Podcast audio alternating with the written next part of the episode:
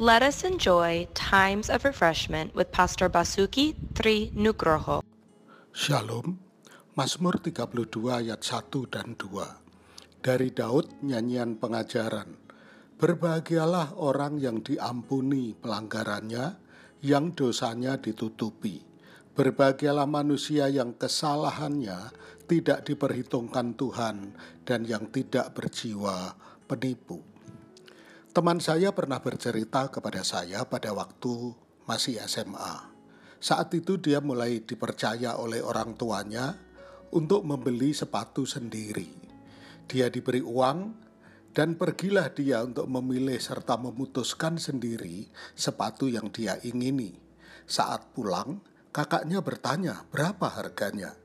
Setelah dia beritahu harganya, kakaknya spontan menjawab, "Terlalu mahal itu." Teman saya ini ingat sekali bagaimana perasaannya terhadap sepatu tersebut.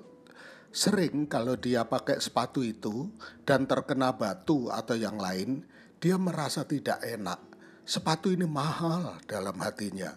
Sampai sepatu itu kemudian rusak, dia masih enggan dan ingin memakai lebih lama karena sepatu itu mahal.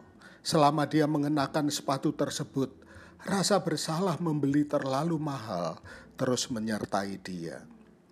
Ketika kita menerima pengampunan dari Tuhan, maka pengampunan itu sempurna. Tuhan tidak mengingat-ingat lagi kita perlu menerimanya dengan iman dan menikmati kebahagiaan karena kesalahan kita diampuni. Kita sepatutnya mengampuni diri sendiri. Tuhan memberkati.